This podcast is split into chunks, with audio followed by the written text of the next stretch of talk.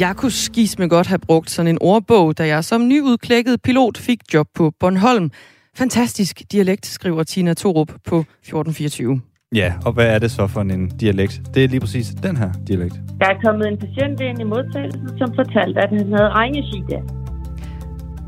Ringeskide. Regneskide, som jo alle sammen ved nu, betyder, at man har diarré. Ja. Vi kan også tage Han ser ret sløj ud, men han siger, at det rapper over. Åh, oh, det går... Øh, øh, Det rapper ord. det går ikke dårligt. Nej. Det går nogenlunde. Det går lige præcis OK. nogenlunde. Det er altså nogle af de ord, som er i den her ordbog, vi talte om lige inden nyhederne. Den Bornholmske ordbog, de har lavet på Bornholms Hospital, som øh, vores lytter Tina Thorup altså også godt har kunne bruge som, øh, som pilot. Forhåbentlig skal man ikke gå stuegang eller opleve diarré som pilot nødvendigvis, men der er sikkert også nogle ord i, i den lingo, som kan være lidt svære på Bornholmsk. Tanken er jo, at øh, alle tilflytterne de kan bruge den her ordbog, sådan, så de rent faktisk kan forstå, hvad Bornholmerne de siger, når de møder dem. Ja. Det er jo smart. Det er smart. Det kunne man jo gøre mange steder. Vi skal også uh, tale om noget andet, som nogen mener kunne være smart lige om lidt. Det skal handle om, hvorvidt man skal kunne nægte at tage imod kontanter i de danske butikker. Det er en uh, debat, vi tager om lige et øjeblik. Derudover så skal vi altså også øh, runde rammerne for øh, kommunernes økonomi for næste år her i øh, den kommende time af Radio 4 morgen. Den landede nemlig øh, sent i aftes, den her aftale mellem regeringen og kommunernes landsforening. Det taler vi med Arne Ullum om, som er chefredaktør for NB Kommune. Og så skal vi tale om delfiner. Mere specifikt døde delfiner. Fordi tusindvis af lige præcis døde til- delfiner er skyllet op på Tyrkiets kyst ved Sortehavet, siden krigen i Ukraine begyndte.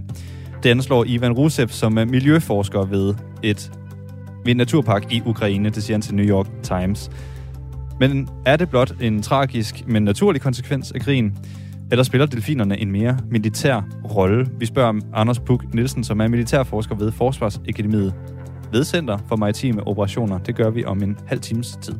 Du lytter til Radio 4 morgen med Nikolaj Dupont og Dagmar Eben Østergaard. Nyhedsvært er Thomas Sand her til morgen, og du kan altså sende sms'er hen. Det sker selvfølgelig på 1424. Klokken er 8 minutter over 8. Godmorgen. Det skal være muligt for danske butikker overhovedet ikke at tage imod kontanter. Sådan lyder det fra organisationerne Dansk Industri og Horesta i et brev til Folketinget. På den korte bane, så skal den såkaldte kontantregel lempes, så butikker for eksempel kan sige nej til kontanter mellem klokken 18 om aftenen og klokken 8 om morgenen. I stedet for kun mellem klokken 22 om aftenen og klokken 6 om morgenen, som det er i dag. Og på den lange bane, så skal reglen altså ifølge organisationerne helt afskaffes. Om det er en god eller en øh, dårlig idé, at butikkerne kan nægte at tage imod kontanter, det skal vi debattere nu, blandt andre med dig, Maria Kryer Torp. Godmorgen. Godmorgen. Chef for Dansk Industris Turisme og Oplevelsesøkonomi. Hvorfor skal butikkerne ikke tage imod kontanter, mener du? Vi foreslår det her, fordi vi gerne vil give virksomhederne lidt mere frihed til selv at indrette sig på de øh, gæster, som de har, de kunder, som de har. Og egentlig så vil vi gerne starte en dialog omkring, om det kan være muligt at diskutere en lempelse i forhold til, at man netop skal kunne indrette sig. Se for jer, at man har en eksempelvis en forlystelsespark med mere end 30 udsalgssteder. Skal man så kunne modtage kontanter alle, alle 30 steder, eller kan man i princippet sige, at vi vælger fire af de her udsalgssteder og siger, at det er her, man skal gå hen, hvis man ønsker at bruge kontanter. Det er meget vigtigt at sige, at det vi som udgangspunkt, vi foreslår ikke, at man skal afskaffe kontanterne fra den ene dag til den anden, men vi vil gerne tage en dialog omkring, hvordan den her lovgivning den kan blive lidt mere moderne, lidt mere smidig, fordi der er enormt store byrder forbundet med, at man skal kunne håndtere kontanter. Man skal kunne sikkerhedsmæssigt håndtere det, man skal lægge ind med byttepenge, og man skal i øvrigt hele tiden sørge for, at de her penge de bliver afhentet og kørt afsted og fragtet frem og tilbage, og man skal opbevare dem løbende. Og vi ved jo alle sammen godt, hvad det er, der sker ude i samfundet, og vi oplever det jo også selv, når vi betaler med kort, og vi bruger vores telefon osv. osv. Så vi vil egentlig gerne starte den her dialog omkring, Maria Kryer Torp, lad os øh, smide dialogen videre til, til René Christensen. Der skal jo flere til en, øh, en dialog. René Christensen, han er finansordfører for Dansk Folkeparti, og partiet mener, at det er en dårlig idé at forhindre danskerne i at kunne øh, betale med kontanter. Hvorfor mener I det? Jamen altså, vi synes jo, at det er meget vigtigt, at altså, penge er et udtryk for, at det er noget, der har noget værdi. Men hvis man ikke kan bruge dem, så har de jo ikke noget værdi. Altså, så mister de jo deres værdi. Og derfor er det vigtigt, at man kan bruge sine penge. Øh, men, men altså, derfor kan man jo godt se på, om der kunne være nogle steder. Nu bliver der nævnt et eksempel her, hvis man har rigtig mange udsalgssteder. Der er sådan nogle steder, hvor man kan gå hen og få vekslet sine penge til noget andet, der har værdi, man så kan bruge. Det, der er vigtigt for os, det er, at man ikke kommer til at stå i en situation, hvor man er gået ind et eller andet sted, og man har sådan set et betalingsmiddel med, og pludselig så kommer man til at stå i en situation, hvor man reelt ikke kan betale det, man skylder, selvom man har kongelig dansk mønt med. Altså det er et anerkendt betalingsmiddel, og det skal man selvfølgelig kunne bruge. Men er det ikke øh, øh, forældet, at man skal holde fast i øh, kroner og øre, altså som, øh, som mønter og sædler? Nej, det er det ikke. Altså, jeg vil da bare sige, jeg har da prøvet at stå inde i et supermarked, hvor de sagde, at net er desværre gået ned, og du kan ikke bruge dit dankort.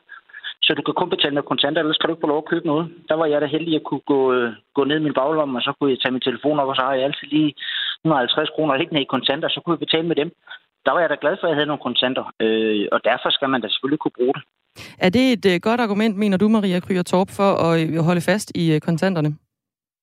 Altså, der er flere grunde til, at vi tager det her op nu under covid-19. Der kunne man se, at der blev udstedt langt flere dispensationer fra den her kontantregel af hygiejnemæssige årsager. Og det er gået og forløbet rigtig, rigtig fint, uden at det ligesom har givet anledning til udfordringer. Desuden så har Folketinget netop vedtaget den, en udvidelse af den her festival undtagelse, plus at man nu har gjort det sådan, at mellem virksomheder, der behøver man ikke længere at skulle og tage imod kontanter. Så anledningen er jo, at der allerede er en dialog omkring, hvordan kan vi gøre det her mere smidigt. Så hvis man mellem to virksomheder ikke nødvendigvis skal tage imod, når den anden står med sædler eller mønter, så mener vi også, at virksomhederne, når de så står over for deres kunder, kan indrette sig på den målgruppe, de i øvrigt har, og de kunder, der kommer. Fordi vi må stole på, at virksomheder kender de gæster og de kunder, de har. Så når man eksempelvis er til en koncert på et spillested, hvad er det for et publikum, der kommer, så kan man sætte sig ned og vurdere, okay, skal jeg have 20 steder, hvor man kan betale med kontanter, eller er det mere vigtigt øh, eller mere relevant, at jeg kun har to steder, hvor man kan betale med kontanter i den her omgang? Er det et ungt publikum, vil der være en stor sandsynlighed for, at det netop ikke er kontanter og mønter, der spiller en rolle, men at det netop er de digitale løsninger. Det er det, der, der er det vigtige. For det er jo så heller ikke et, et, et, et spillested, hvor man ikke kan bruge kontanter. Det er et spillested, hvis man vil bruge kontanter, så skal man gå derover. Der kan du godt bruge dine kontanter. Det er noget helt andet, end at have et sted, hvor man kommer ind og får at vide, her kan du ikke bruge dine kontanter. Så det er i hvert fald meget vigtigt, jo, at man så i hvert fald, inden man går ind overhovedet, ved, at man ikke har det, et, et betalingsmiddel med.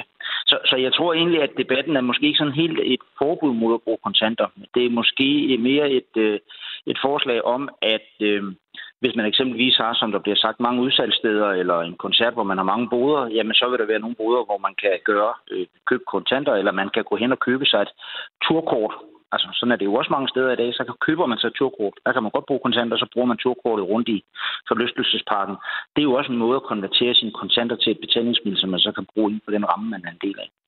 René Christensen, der er jo også øh, der er så mange digitale muligheder nu for at betale. Nu nævnte du for eksempel øh, nedbrud på net, så så kan man pludselig ikke betale i, i kiosken for eksempel. Men der er jo også løsninger som MobilePay for eksempel. Ja, det er der. Øh, og jeg tror da også, på sigt så vil vi da opleve, at kontanterne bliver mindre og mindre. Jeg tror dog, øh, og det ved det I nok bedre end jeg, men jeg tror, der, det oplever jeg det små omkring, når det er sommer. Nu kommer jeg jo fra sommerlandet ned på, på London Falster, på Marilis blandt andet. Der er mange turister, som kommer sydfra. De har jo et helt andet forhold til at bruge flere kontanter, end vi gør i Danmark. Og mange af dem har jo øh, vekslet til danske kroner eller betaler med euro. Og der er det jo i hvert fald også vigtigt, at vi ikke bliver sådan et land, hvor man bliver mødt af sådan en mur med, at du kan ikke komme ind her og få din mad, eller du kan ikke komme ind her. Altså, vi skal være et åbent land. Vi må ikke begynde at få nogle øh, restriktioner, som gør, at det ikke er interessant at komme som turist. Maria Kryer Torp, du er jo chef for Dansk Industri, Turisme og Oplevelsesøkonomi. Hvad tænker du om det?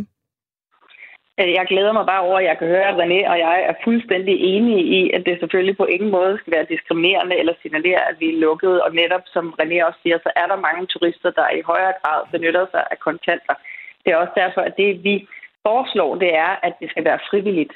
Forstået på den måde, at det skal ikke være krav, så man selv kan indrette sig på de gæster, man kommer. Og netop hvis man er ude i sommerlandet, eller hvis man modtager mange turister, eller øh, eksempelvis den ældre målgruppe, så ved man jo godt, hvordan det er, man skal indrette sig på det her. Vi synes bare, der er rigtig mange byrder forbundet med, at det er et krav på alle faldsteder.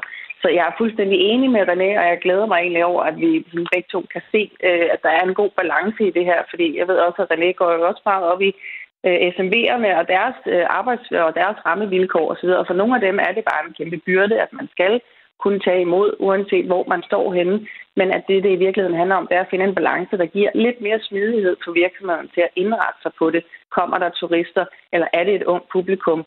eller, eller hvordan, hvad er det for en koncert, vi har i dag, eller så videre, så videre. Og jeg kan ikke forestille mig, at der overhovedet findes en forlystelsespark eller en attraktion, eller et ishus i Danmark, som bare vil lukke fuldstændig ned for det. Nej, de vil selvfølgelig indrette sig, fordi de kender deres kunder. Men på, på den lange bane, så skal reglen jo også, ifølge Dansk Industri og Horesta, øh, helt afskaffes. Ja, det skal den. Men det er igen bare for at sige, at altså, hvis den bliver helt afskaffet, så står det frit for at indrette sig.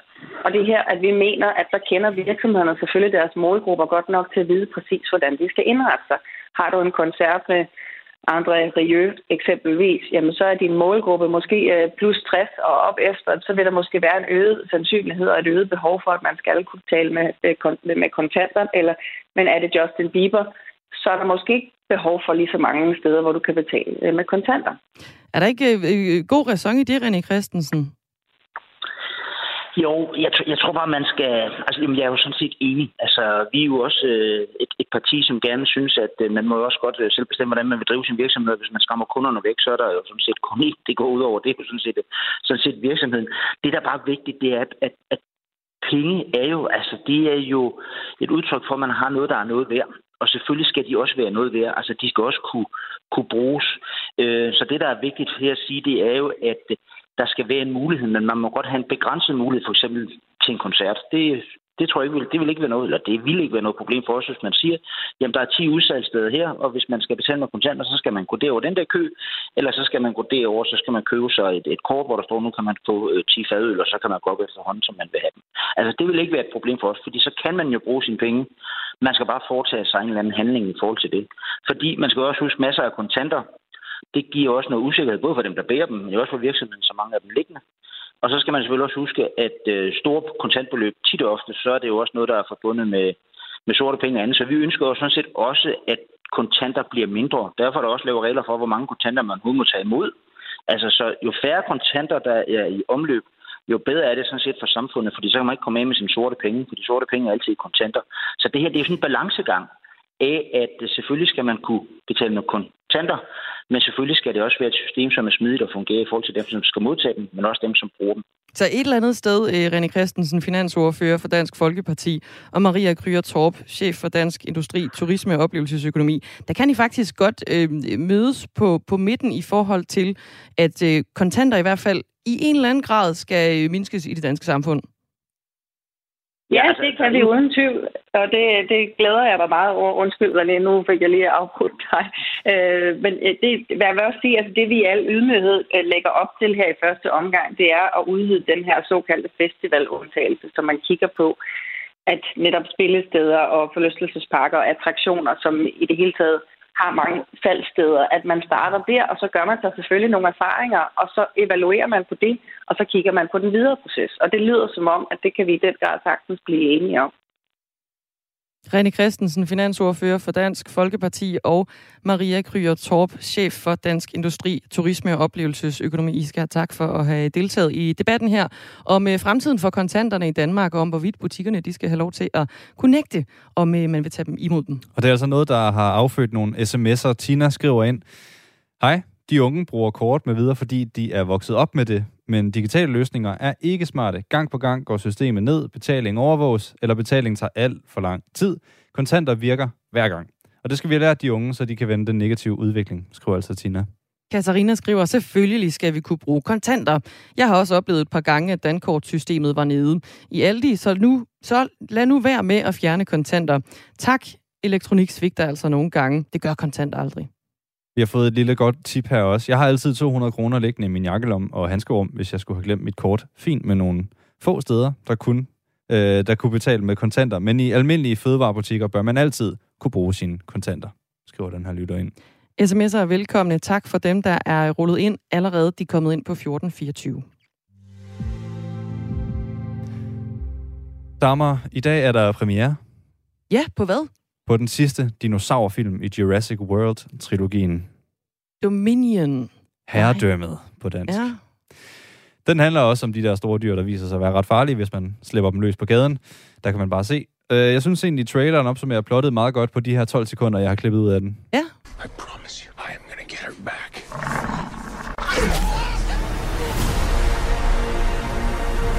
Genetic power has now been unleashed. We made a terrible mistake. Ja, Vi lavede en kæmpe fejl. der er nogen, der har sluppet noget, der larmer rigtig voldsomt i baggrunden løs, og det har været en kæmpe fejl. Øhm, på den måde kan man jo måske opsummere plottet i mange af de her øh, Jurassic-film, men jeg kan lige... De lyder som de sidste fire. Ja, og der har kun været tre, så øh, Nå, det er jo okay. vanvittigt. Øhm, så var der selvfølgelig de gamle Jurassic Park Ja, det var dem, jeg øh, tænkte film. på. Men øh, hvis vi lige skal køre plottet helt kort, ikke? Siden dino, de, øh, dinosaurer udslippet i Jurassic World Fallen Kingdom, det var den fra 2018, så er de her forhistoriske dyr så slået sig ned i storbyer og den fri natur, hvor de betragtes som skadedyr, der forstyrrer vores øh, afgrøder. Der er nogle kæmpestore sværme af øh, nogle meget, meget store græshopper, som er et problem. Medmindre man har noget korn, som er specielt fremstillet af Lewis Dodgson, hedder han. Han er sådan lidt en ekstrem udgave af Elon Musk, der har designet de her græshopper, og så har han lige designet noget korn, som sjov nok ikke blev ødelagt af de her græshopper, så han kan jo tjene penge på mange måder, kan Det er man sige. smart. Og så har vi den gode Chris Pratt, som spiller Owen, og øh, Bryce Dallas Howard, som spiller Claire. De slår sig sammen med øh, veteranerne i de her Jurassic-film. Dr. Ellie Sattler og øh, Dr. Alan Grant, og så klarer de ærterne. Øh, politikken giver filmen en stjerne. Men Ej. altså, Ev. Der er jo stadig dinosaurer med, og jeg er en hund efter dinosaurer, så Ja, jeg skal er nok også. stadig se den. Jeg ved ikke Det kommer jeg nok egentlig også til. Ja. Det bliver man også på en eller anden måde lidt nødt til, når det er Jurassic Park.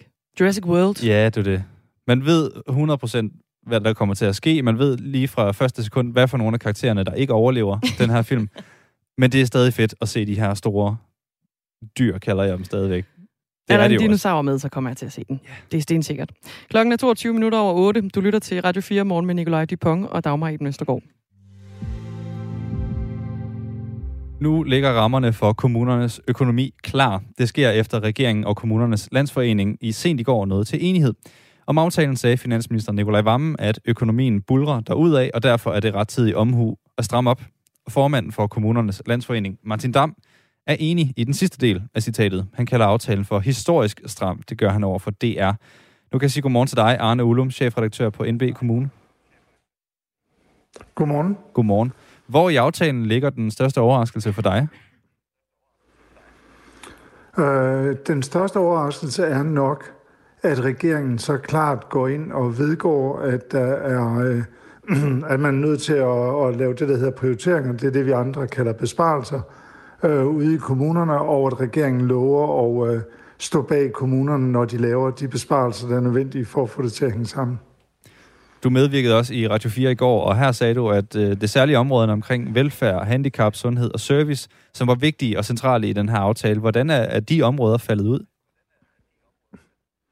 Jamen altså, det er faldet sådan ud, at øh, kommunerne har stigende udgifter for cirka omkring 2,2-2,5 milliarder kroner i øh, næste år, og de får kun dækket de 1,3 milliarder af regeringen. Og det vil sige, at kommunerne de skal ud og finde besparelser for cirka en milliard kroner, og det svarer sådan i rundetal til 0,3 procent, som man skal ud og finde ved at lige give lidt mindre hjælp til personer med handicap, og lige øh, stramme lidt på øh, bevillingerne til lejrskoler i skolerne, eller hvad? Altså alle sådan nogle, det bliver alle sådan nogle små områder, tror jeg, man vil se, at man, øh, man lige er nødt til at gå ind og stramme lidt hele vejen rundt. Der er altså nogle øh, befolkningsgrupper, der bliver lidt ramt af det her. Forhandlingsparterne kalder aftalen for stram, og den udlægning deler både BUPL og Danmarks Lærerforening. Begge organisationer efterlyser nemlig økonomiske midler præcis til børn- og ungeområdet. Kommer borgerne til at mærke, at aftalen er historisk stram på for eksempel børne- og ungeområdet? Jamen, øh, der, der er ingen tvivl om, at, øh, at man kommer til at mærke det på den måde, at hvor vi i nogle år har været vant til, at det der med sådan, at man mødte op i sin daginstitution, eller i sin skole, eller på plejehjem, der fik vi vide, at det her det er altså lige blevet ændret, fordi vi har været nødt til at spare lidt.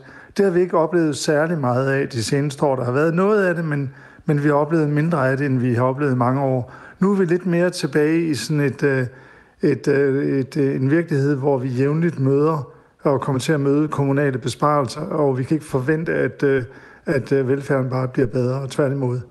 Så helt lavpraktisk, altså for, for os borgere, og så eksempelvis børne- og ungeområdet, altså er der noget, de til hverdag kommer til at mangle, eller er det simpelthen så på højt politisk niveau, så det er, det er bare et spørgsmål om, om tolvtrækning om nogle tal?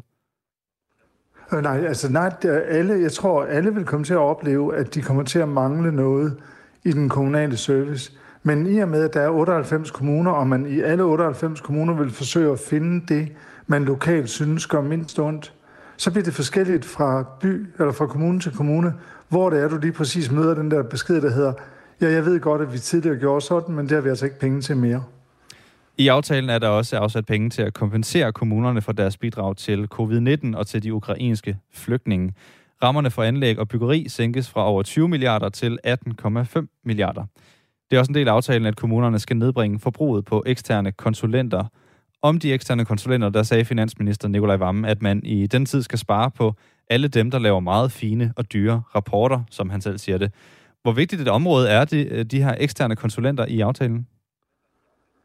Jamen altså, hvis du ser på virkeligheden, så er det ikke særlig vigtigt, fordi øh, når vi går ud og undersøger, hvad er det så egentlig for nogle konsulenter, kommunerne de bruger, så er det ikke de der dyre managementkonsulenter, der kommer kørende i en meget dyr Tesla og, øh, og, og, og laver sådan nogle abstrakte rapporter. Så er det for eksempel øh, broingeniører, der skal, altså fordi en kommune ikke har, har mulighed for at ansætte en ekspert i broer, hvis de har fem betonbroer i en, i en kommune. Det er øh, specialkonsulenter på handicapområdet. Øh, det er IT-konsulenter.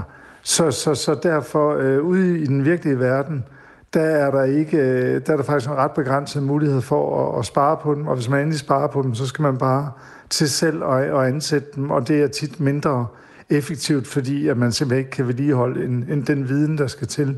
Så, så, men, men du siger, sige, politisk er det rigtig, rigtig vigtigt for regeringen, fordi det er socialdemokratiske socialdemokratisk øh, valgkampløfter om, at man vil tage et opgør med de der managementkonsulenter, som, øh, som på et tidspunkt blev meget, meget upopulære i, i befolkningen.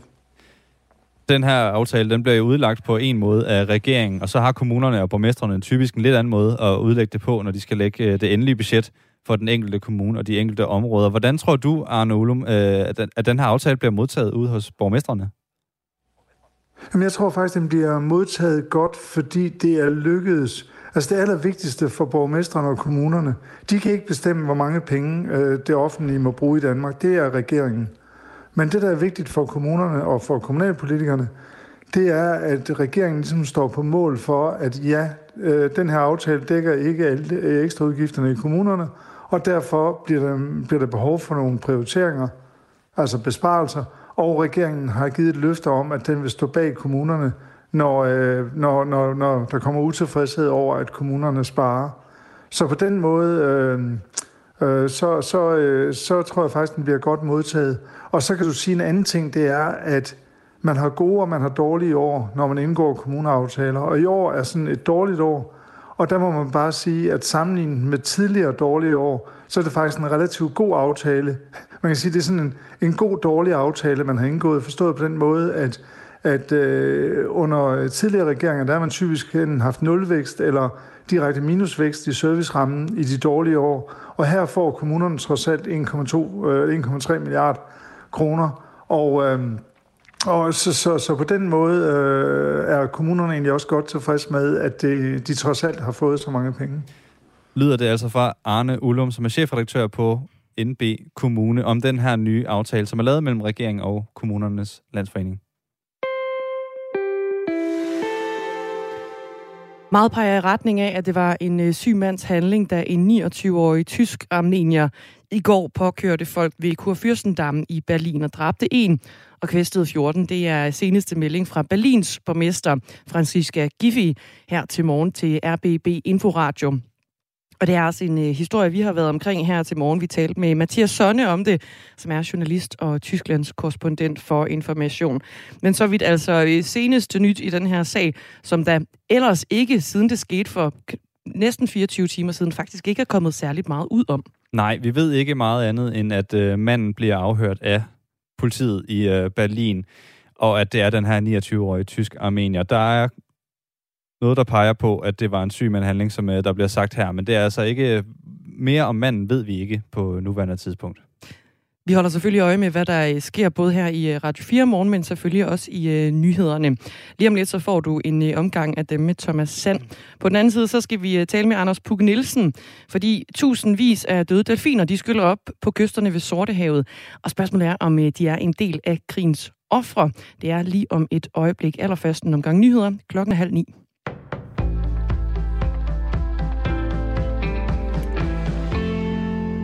Det kan være børnene, som kommer til at stå for skud i økonomiaftalen, som kommunernes landsforening og regeringen indgik i aftes. Det skriver pædagogernes fagforening BUPL i en pressemeddelelse.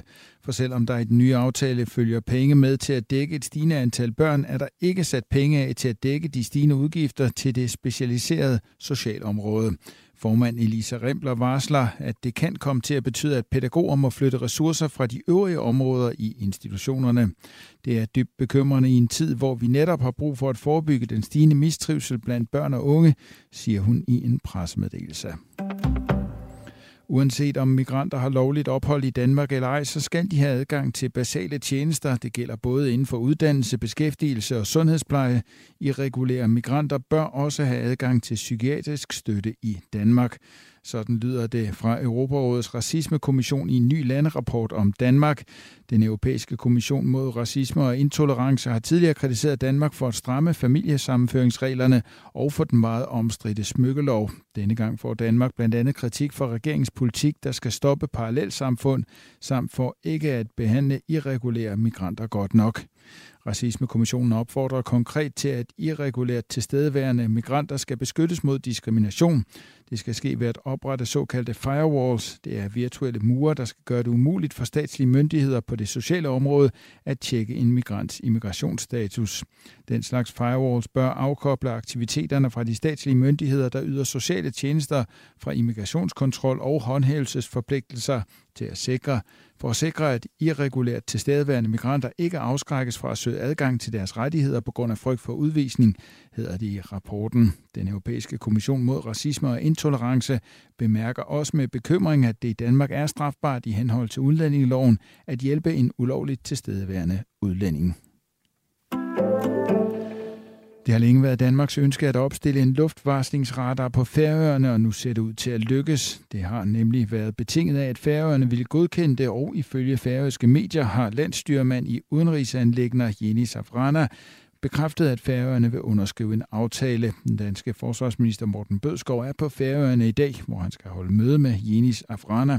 Her er det målet, at aftalen bliver underskrevet. Der er mange problemer i børne- og ungdomspsykiatrien, hvor det står kritisk til. Det viser en ny undersøgelse fra Lægeforeningen, der melder om utilstrækkelig behandling, forværrede vilkår og for få sengepladser. Susanne Dikemar fortæller. 90 procent af lægerne på landets børne- og ungdomspsykiatriske afdelinger, som har svaret på en ny rundspørge fra Lægeforeningen, er enige eller meget enige i, at en stor del af deres patienter med psykiske lidelser ville have haft et mindre alvorligt sygdomsforløb, hvis det havde været muligt at begynde behandlingen tidligere og 78 procent af dem mener, at vilkårene er blevet forværret eller væsentligt forværret i løbet af de seneste to år. Og så mangler der også sengepladser.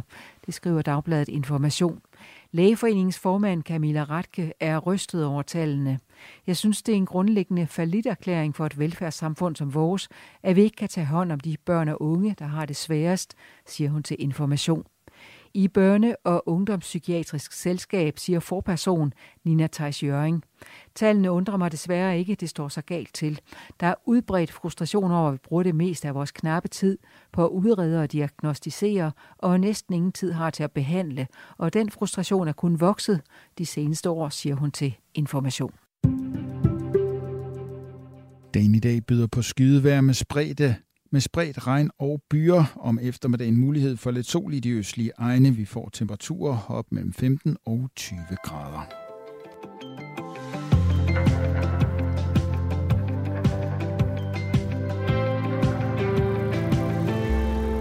Tusindvis af døde delfiner er skyllet op på Tyrkiets kyst ved Sortehavet, siden Ukrainekrigen begyndte. Det anslår Ivan Rusev, som er miljøforsker ved Tuzla Estuarias National, National Nature Park i Ukraine. Det siger han til New York Times. Delfinerne er skyllet op på kysterne eller er blevet fanget i fiskernes net, døde eller halvdøde, i langt højere grad end normalt. Både i Ukraine og nærtliggende lande som Rumænien, Bulgarien og Tyrkiet. Anders Puk Nielsen er militærforsker ved Forsvarsakademiet ved Center for Maritime Operationer. Godmorgen. Godmorgen. Delfiner kan være meget nyttige i krig, og det er derfor, man kan få den her tanke. Altså, er de her delfiner døde, fordi de har medvirket i krigen, eller er det som konsekvens af krigen? Ja, øh, nej, det er, det, det er konsekvens af krigen. Altså, øh, det er ikke nok, vi har talt på et tidspunkt om, at man kunne have sådan nogle vagtdelfiner, der øh, kunne beskytte flådestationer og sådan noget. Øh, men det er altså ikke det, der er tale om her. Altså, det, der er tale om her, det, det er vilde delfiner, som øh, måske på grund af de aktiviteter, som, som der kommer fra krigsskibene, øh, desværre så øh, får meget dårlige levevilkår og, øh, og, og simpelthen er ofre for krigen. Hvordan ved vi, at øh, det er de vilde delfiner, og ikke dem, der er blevet trænet? Øh, alene antallet. Altså, øh, man kan ikke... Altså, så mange delfiner har man slet ikke trænet. Altså, det er måske en håndfuld delfiner eller sådan noget, som russerne har øh, op øh, omkring flådestationen op i Sevastopol til at, at bevogte den og ligesom øh, sørge for, at der ikke kommer dykkere ind og, og sætter bomber på krigsskibene. Men altså, de her antal af delfiner, som er skyllet op på strandene rundt omkring, de er, det, det er meget stort. Vi skylder nok lige at forklare, at øh, det her med, at delfiner kan bruges øh, militært, det er noget, der har været op at vende. Og Anders Puk Nielsen, kan du lige prøve at sætte på, på, hvad er det egentlig, man kan bruge delfiner til militært? Jo, altså den rene militære anvendelse af det her, det ved vi også, at det gør russerne også. De, har, de træner simpelthen delfiner i at fungere som en form for, øh, ligesom vagthunde, øh, så bare øh, ud i vandet, øh, og til at, at beskytte deres flådestationer mod, at øh, man kan komme ind med, med en dykker, og, øh, og angribe skibe, der ligger til kaj. Øh, så, øh, så, ellers så kan man så svømme ind og sætte en, en bombe på under vandet, svømme ud igen, og så sænke skibene ind i, i havnen. Så det, så det er sådan den militære anvendelse af delfiner. Øh, men det, der her taler om, det er, at øh, på grund af øh, primært skibenes sonar, altså de systemer, man bruger til at opdage ubåde, der forstyrrer man simpelthen dyrelivet. Og det er, det er en kendt faktor. Altså det, det ved man, at man gør. Altså når skibe, de pinger med deres sonar, sender lyd lydbølger ud i vandet, så er det, øh, det, det er enormt forstyrrende for især valer. Altså, dels så er det i sig selv larmende for dem, altså det, det er en stressende lyd, øh, den her sonar-lyd for, øh, for dyrelivet. Og dels så forstyrrer det også øh, valerne, så valerne bruger selv sonar til at orientere sig under vandet. De siger selv lyde og lytter efter ekoerne, og det bruger de til at orientere sig med. Øh, og det bliver, det bliver virkelig øh, forstyrret af den her brug af, af krigsskibenes sonar. Øh, og og øh, der bliver bare lige i øjeblikket pinget rigtig, rigtig meget med sonar over hele Sortehavet. Øh, og, og, og det er formentlig noget af det, der er årsagen til, at vi ser alle de her døde delfiner nu. Nu er du selvfølgelig ikke øh, biolog, men kan du alligevel komme med, med dit bud på, altså hvordan kan støj fra skibe, jeg ved, de, øh, de er med til at forstyrre de her delfiner, men hvordan bliver en forstyrret delfin til en død delfin på grund af lyd? Ja, altså øh, helt konkret, så er det jo sådan noget med, at for det første bliver, bliver dyret jo stresset, så det har en, en høj stresstærskel rent generelt, og hvis det er meget tæt, hvis det er tæt på de her krigsskibe, jamen, så er det jo øh, altså, vir, virkelig, virkelig larmende, sådan en ubehagelig lyd. Men derudover, så bliver det også svært for dyret at orientere sig. Eksempelvis, så er der jo mange delfiner, der er gået i fiskenet. Det kan være sådan noget med, at, at delfinen ikke kan udnytte sin egen sonar til at orientere sig om, hvor er de her fiskenet henne, og så, så pludselig bliver de fanget i dem, og så, så drukner de. Øh, det kan også være sådan noget med, at de ikke er i stand til at jage på øh, normal vis, øh, simpelthen fordi de ikke kan bruge deres navigationssystemer under vandet. Så, så det er sådan nogle af de risici, der er. Og når man laver militære øvelser, så er der meget strenge regler for, hvor meget man må bruge sin sonar, hvornår man må gøre det, hvor længe man må gøre det, altså noget for netop at beskytte valerne. Men altså alle de der regler, de, de gælder jo ikke i krig. Der kører alle alle, alle krigsskibene kører bare med deres sonar hele tiden, øh, så, så dyrene får aldrig ligesom en pause øh, i, det, i det der. Så det er, det er noget af det, vi ser lige, øh, lige nu. Og så er der jo så også nogle andre ting, sådan nogle, altså det kan også være, at der er nogle delfiner, der, der dør af at, at gå på en mine, for eksempel. Altså vi ved, der er lagt rigtig mange søminer ud fra både russisk og ukrainsk side. Så det, det er der efter sigende også nogle delfiner, der dør i. Men jeg tror, at det, det, det største, det er den her støjforurening simpelthen. Men det vil man vel kunne se på de delfiner, der i så fald har været så heldige at, at krydse finder med en, en mine. Det må vel alt andet lige se anderledes ud end en delfin, der er blevet sonaret øh, ihjel. Ja, præcis. Ja, præcis. Ja, ja præcis.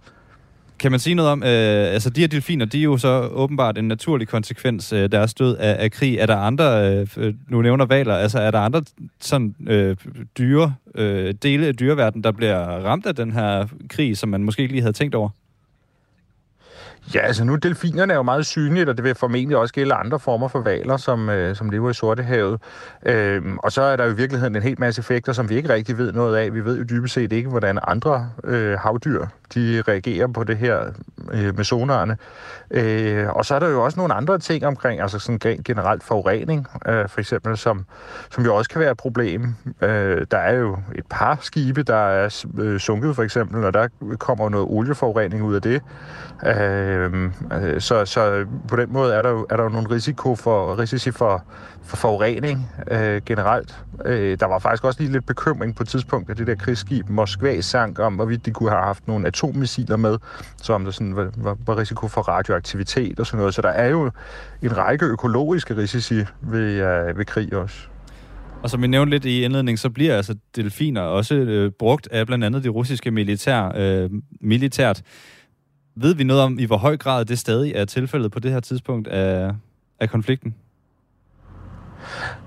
Øh, nej, jeg har, ikke, jeg har ikke set noget øh, om, at de skulle være stoppet med det. Vi har, der var historier ude om, at nu var de i gang med det, og det er jo en kapacitet, de har opbygget over mange år. Altså har haft programmer i, øh, tilbage fra, øh, fra den kolde krigstid også, i netop at træne delfiner til at løse de her militære opgaver, og det, det tror jeg bestemt, de fortsætter med, fordi altså den, øh, den trussel, som delfinerne hjælper dem med, den er, den er jo reelt nok. Altså hvis, øh, hvis ukrainerne havde muligheden for at øh, sende et par dykkere ind med nogle, øh, med nogle sprængladninger og sætte på skibene inde i øh, flådehavnen i Sevastopol, så tror jeg bestemt, de ville gøre det. Så, så det er jo en reel risiko, øh, og, og delfinerne hjælper der med at løse en, en vigtig opgave. Man kan jo sige, Øh, måske lidt øh, ironisk nok, så, så er russerne nok faktisk ret gode til at passe på deres egne delfiner. Jeg vil tro, de har en række regler til, for øh, hvor, hvor tæt på flådestationen man, man må bruge de der sonar udstyr, for eksempel, for netop at beskytte de der delfiner, som man selv har trænet og som, som man bruger. Øh, men når man så kommer væk fra flådestationen, jamen, så tænder man jo for den for at holde øje med, om der skulle være nogle ubåde. Så lyder ordene for Anders Puk Nielsen, militærforsker ved Forsvarsakademiet ved Center for Maritime Operationer. Lige nu er klokken 18 minutter i 9.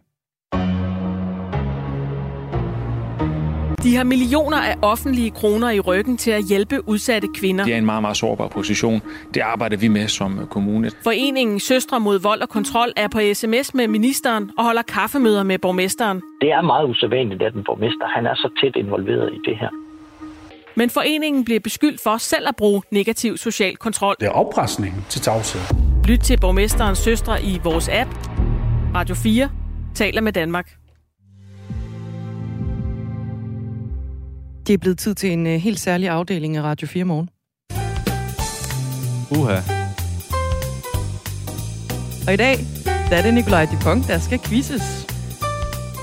Det er jo skønt. fødselsdagsquiz Ja. her i Radio 4 morgen. Sikke noget. Ideen er jo, at øh, jeg lister en række personligheder, der har fødselsdag, eller begivenheder, som er sket på den her dato. Og så skal du rangere dem, Nikolaj, jo fra ældst til yngst. Så vi starter øh, så langt tilbage i historien, vi kan komme med de ting, jeg nu lister op, og så øh, tager vi dem ned fra op. Modtaget. Godt. Jeg øh, starter med at liste de her muligheder op, og du holder dig klar med pen og papir, fordi det er en god idé lige at få skriblet det ned, så man ikke bliver forvirret undervejs. Ja. Godt. Vi starter med Anders And. Anders And. Hans fødselsdag, den sættes nemlig til denne dato. Også på dagen. Okay. Så Anders And, han har fødselsdag i dag. Med andre ord. Men er det Anders Ands fødselsdag, eller det Anders And blev opfundet? Det er Anders Ands fødselsdag, som er besluttet til at være på denne dato i anledningen af en premiere på en film, han var med i. Okay. Ja. Øh, den amerikanske eks-præsidentfru Hillary Clinton, hendes erindringer, de kommer øh, i øh, boghandlerne i USA under ret stor opmærksomhed.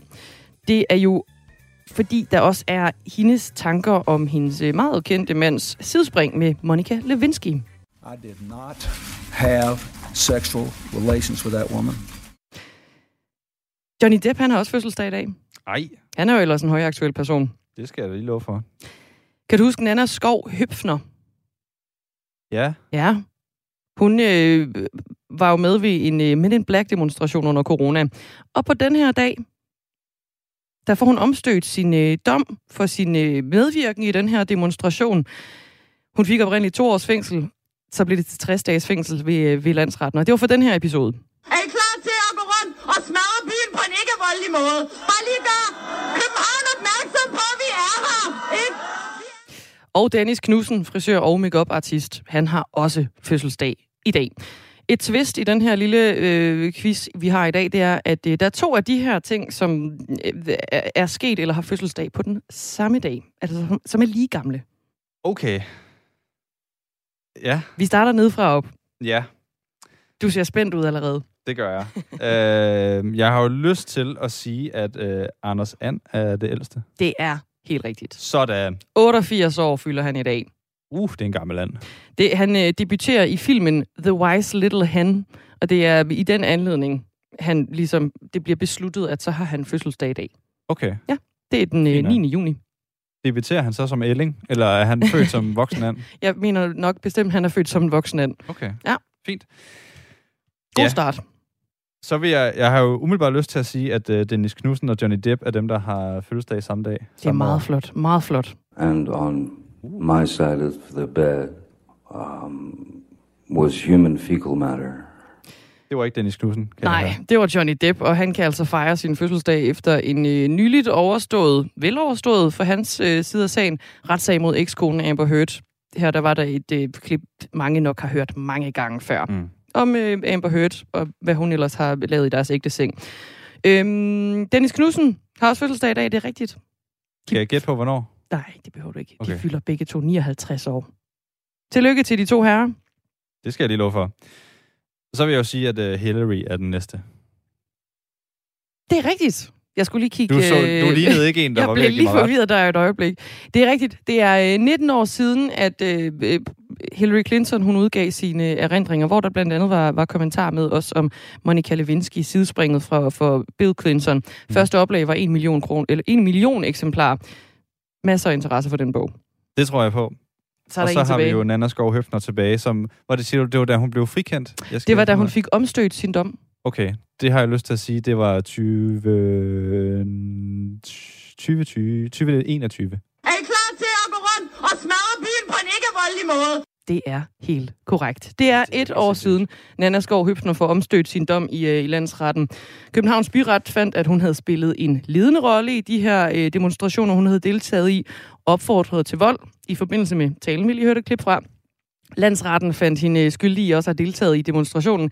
Men det var efter, den var blevet opløst af politiet, og så var det for grov forstyrrelse af den offentlige orden. Så hun endte altså med øh, 60 dages fængsel i stedet for to års fængsel. Flot, Nikolaj Dupont. Det var helt vanvittigt. 5 ud af 5. Jeg er imponeret. Tak. Det er ikke kun cykelfans, som glæder sig til, at verdens bedste cykelryttere indtager de danske landeveje, når Tour de France begynder i Danmark næste måned. Også politikerne glæder sig til, at Danmark lukrerer økonomisk på det her arrangement. Men nu viser en undersøgelse, at lige netop de økonomiske gevinster behøver man ikke glæde sig over. Det skriver Jyllandsposten i dag. Nu kan jeg sige godmorgen til Christian Gjersing Nielsen. Godmorgen. Godmorgen. Senioranalytiker ved Idrættens Analyseinstitut, og så er du også medforfatter til den her undersøgelse, jeg lige nævnte. Er det fuldstændig øh, umuligt, at Danmark kan få en lille smule økonomisk ud af at have Tour de France øh, starten i år? Jamen, altså, i vores studie finder vi ingen effekter på, øh, på bruttonationalprodukt, som er et, et mål for den overordnede økonomi, og også i forhold til jobskabelse inden for øh, turismesektoren. Men vi kan ikke fuldstændig udelukke, at der kan være nogle mindre effekter, både positive og negative. Men hvis de er der, så er de meget små, øh, og de er så små, at man ikke kan måle dem. Øh, og, og vi kan i hvert fald konkludere, at man bliver ikke rig af at afholde Tour de France. Men bliver man så omvendt fattig? Det kan vi heller ikke øh, øh, bekræfte.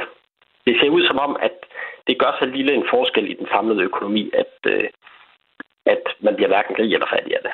Så sandsynligheden er måske mest af alt for, at det går i nul.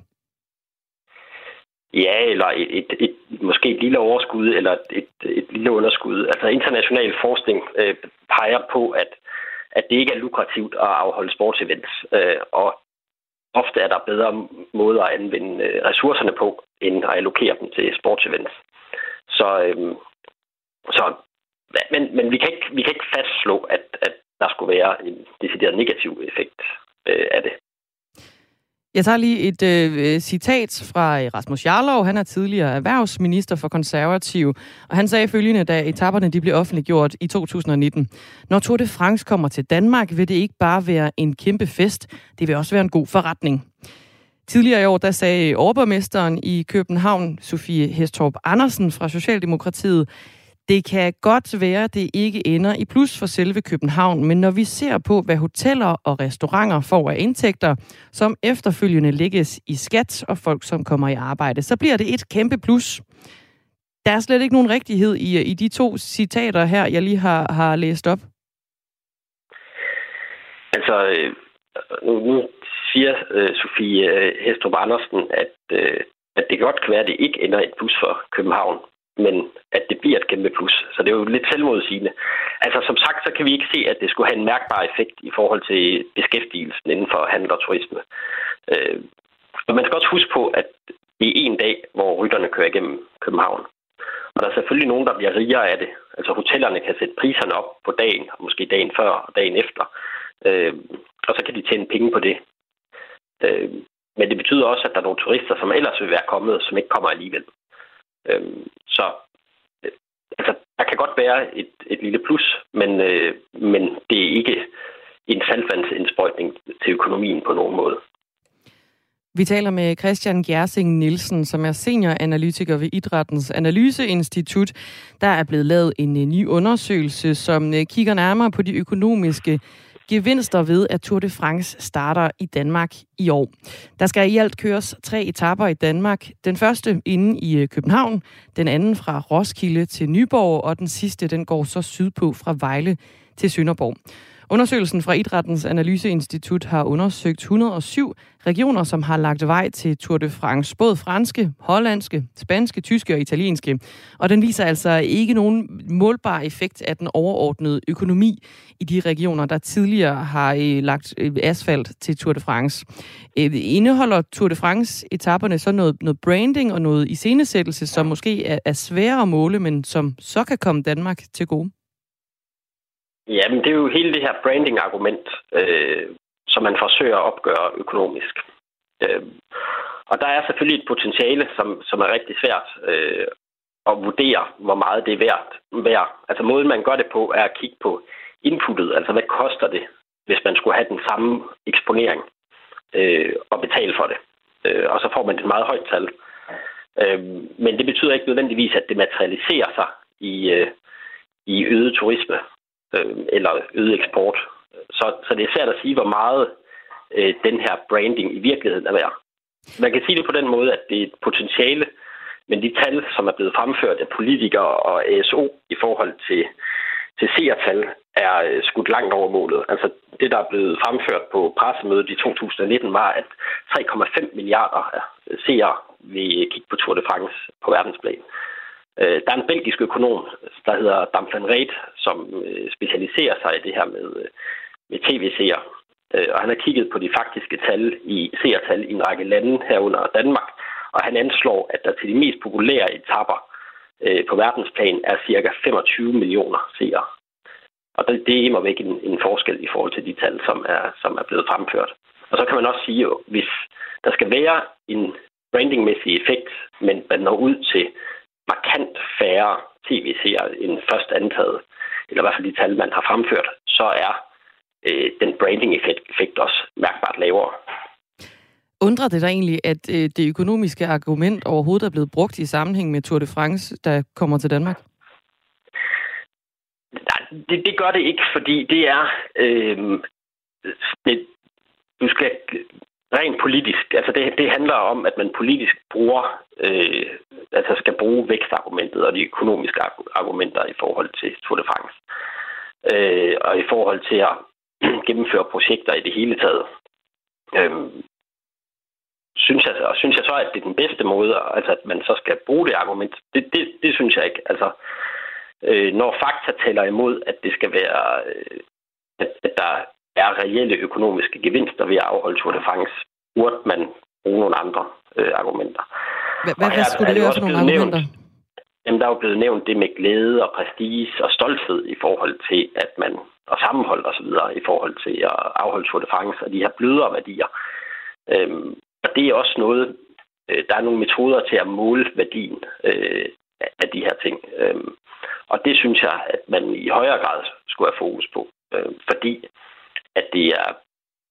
Altså hvis der ikke er nogen reelle økonomiske effekter af afholdt Tour de France, øh, og man gerne vil have en økonomisk værdi på det, jamen øh, så bør man også kigge på, hvad er værdien så for borgerne i forhold til at afholde de her øh, sportsbegivenheder. Sagde Christian Gersing Nielsen, senioranalytiker ved Idrættens Analyseinstitut, som øh, har været med til at lave en undersøgelse, der altså viser, at der ikke er de helt store sådan kroneøregevinster gevinster ved, at Tour de France kommer til Danmark inden alt for længe. Prinsesse Isabella skal efter planen begynde på kostskolen Herlufsholm til august. Og prins Christian han fortsætter ligeledes sin skolegang på kostskolen. Det bekræfter kongehuset over for Radio 4. Og det er ifølge politisk redaktør på Radio 4 og forfatter til flere bøger om kongehuset, Thomas Larsen, opsigtsvækkende. Bekræftelsen kommer efter TV2 for en måneds tid siden sendte en dokumentar, som afslørede krænkelser og voldelig kultur på den berømte kostskole vi skal jo spole tiden tilbage og huske på, at det netop var nogle meget øh, alvorlige sager, der blev afdækket af TV2 i deres dokumentarudsendelse, altså hvor der var en øh, række børn, en række øh, elever, der har været øh, udsat for altså chikane, mobning og deciderede krænkelser. Og så er sagen jo også, at øh, i øjeblikket, altså der skal alt det her jo undersøges meget nøje. Det vil skolen selv gøre med en øh, advokatundersøgelse.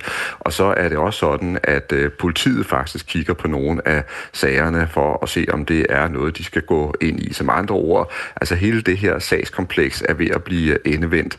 Og der øh, kan det jo være en lidt mærkelig timing umiddelbart, at øh, kongehuset så melder øh, ud, at, øh, at de regner med, at øh, de kongelige børn, de skal starte på skolen, når det gælder prinsesse Isabella og for prins Christians øh, vedkommende, altså simpelthen fortsætte på skolen øh, efter sommerferien, uden at de vil at mærke ved, hvordan de her sager de falder ud, og måske også uden at de ved, om skolen har gjort nok for at gøre, at børnene er sikre på skolen.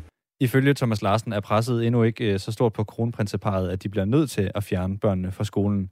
Men den situation, den kan opstå, mener han. Hvis der kommer sådan en situation, øh, hvor der opstår nye alvorlige sager, så tror jeg, at der vil komme et endnu større pres på kronprinsparet, fordi så vil der simpelthen være øh, mange i befolkningen, der har meget svært ved at forstå, øh, hvorfor kronprinsparet altså sætter, øh, sender deres børn til en skole, der kæmper med så store øh, problemer. Ifølge Thomas Larsen vil kongehuset blive nødt til at melde deres opbakning til skolen i fremtiden, hvis børnene skal fortsætte med at gå der. Men det vil altså afhænge af, hvordan undersøgelserne falder ud. Ikke desto mindre, så vil øh, kronprinseparets popularitet dykke, og det sker altså ifølge Thomas Larsen også i kraft af den her store opmærksomhed, som TV2's dokumentar fik. Nu er kronprinsparet jo så heldige, at de er ekstremt populære, men altså selvom man er meget populær, så kan der godt blive slået skår af ens øh, popularitet, og jeg tror faktisk, at, at parret, de, øh, de taber noget på den her øh, sag, også hvis de lader børnene fortsætte på skolen, fordi det var interessant, da de meldte ud om, hvor chokeret de var over forholdene på, på Hervesholm skole, og også sendte den her meddelelse ud på deres, på deres egne medier, og gjorde det på kongehuset.dk. Der kunne man simpelthen se, at der var mange mange danskere, som ellers er rigtig, rigtig glade for kongehuset, som øh, var helt forundret over, at øh, kongehuset overhovedet vil vælge den her øh, skole til deres øh, børn, og som også opfordrer dem til, nu hvor det hele var afsløret, at se at få, få jeres børn øh, væk og ud så hurtigt som muligt. Og så er det klart, hvis vi så kigger på kronprinsesse Mary, så er det jo bare et kæmpe stort dilemma for hende, at hun gerne altså vil kæmpe imod øh, mobningen øh, rundt om på landets skoler. Hun har gjort øh, kampen mod mobning til en af sine store mærkesager, og så er der mange folk, der ser, at nu sender hun så sine egne børn til Herlevsholm, hvor der har været massive øh, mobbeproblemer. Det tror jeg, der er rigtig mange danskere, der er svært ved at få til at hænge sammen. Baggrunden for den her udmelding fra Kongehuset er interessant efter TV2 i starten af maj sendte dokumentaren Herlevsholms Hemmeligheder. Holdet bag TV2-dokumentaren har talt med ca. 50 tidligere elever, hvoraf en del, som TV2 skriver det, ifølge TV2 fortæller chokerende beretninger om voldelige og krænkende adfærd. Flere elever har oplevet daglige tæsk og grov mobning, og enkelte elever kan også fortælle rystende detaljer om seksuelle overgreb. Det bliver ordene for i dag her fra øh, Radio 4 morgen, men øh, Radio 4 fortsætter jo hele dagen og natten med. Lige om lidt, så kommer der øh, ring til Radio 4 og spørgsmålet er i dag, skal vi lave ægteskabsritualerne om i kirken, så homoseksuelle og heteroseksuelle par bliver spurgt om det samme? Eller er det okay, at vi har bevaret det historiske ritual, så længe der også er en mulighed for par af samme køn? Det er altså temaet i dag i øh, Ring til Radio 4. For som ritualet er nu, så bliver et heteroseksuelt par adspurgt, hvorvidt de ønsker en ægte mand eller ægte hustru, mens homoseksuelle par bliver spurgt, om de vil have deres partner til ægtefælde, altså ingen køn i den betegnelse. De regler de blev lavet i øh, 2012, da kirkevilser af par med samme køn blev gjort muligt. Det øh, kan du byde ind på på øh, sms'en. Send beskeder ind til 1424 Radio 4. Ring til Radio 4 morgen, takker I for i dag. Klokken er 9.